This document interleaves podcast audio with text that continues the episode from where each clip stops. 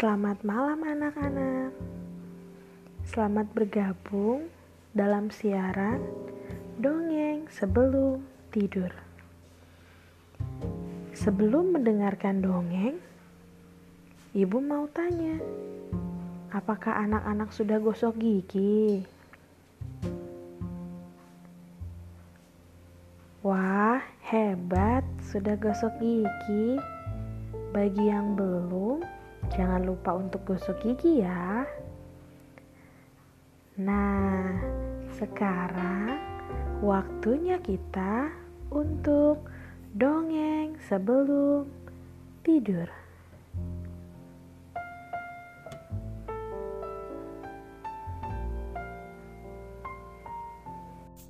Kali ini Ibu Rani akan mendongeng dari buku yang dipinjam dari Elip BPK Penabur. Buku cerita karya Haziah Ans dengan judul Bento-Bento Lezat. Bel sekolah berbunyi, jam istirahat tiba, waktunya makan siang. Hore! Sorak Maura dan teman-teman sekelasnya. Maura sedang duduk manis. Di hadapannya sudah ada kotak bekal berisi bento kesukaannya. Sejak pagi, Maura sudah membayangkan betapa nikmatnya melahap bento-bento itu. Nyam nyam nyam, decak Maura. Usai berdoa, Maura melihat ke arah Putri. Rupanya, diam-diam Putri memperhatikan Maura. Maura menghentikan rencana makannya ia berganti menatap Putri. Putri tertunduk malu. Maura tak melihat ada kotak bekal di hadapan Putri. Mungkin Putri lupa bawa bekal, pikir Maura. Maura kemudian memandang kotak bekalnya lagi. Bento-bento ini begitu lezat. Sayang kalau tidak dimakan semuanya.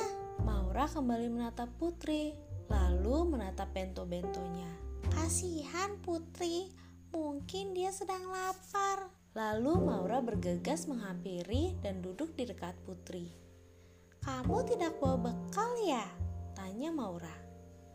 Putri menggeleng lemas. Ibuku belum punya uang buat beli bekal, sahut Putri. Maura terpana. Ia kembali menatap kotak bekalnya. Kalau gitu, kita makan bekal ini sama-sama yuk Putri. Lalu Putri dan Maura pun makan bento-bento lezat itu bersama-sama dengan senang.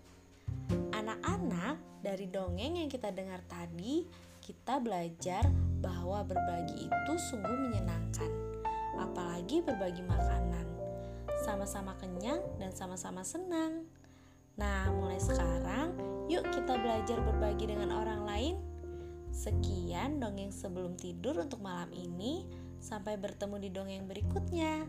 Sebelum tidur, jangan lupa berdoa dulu ya.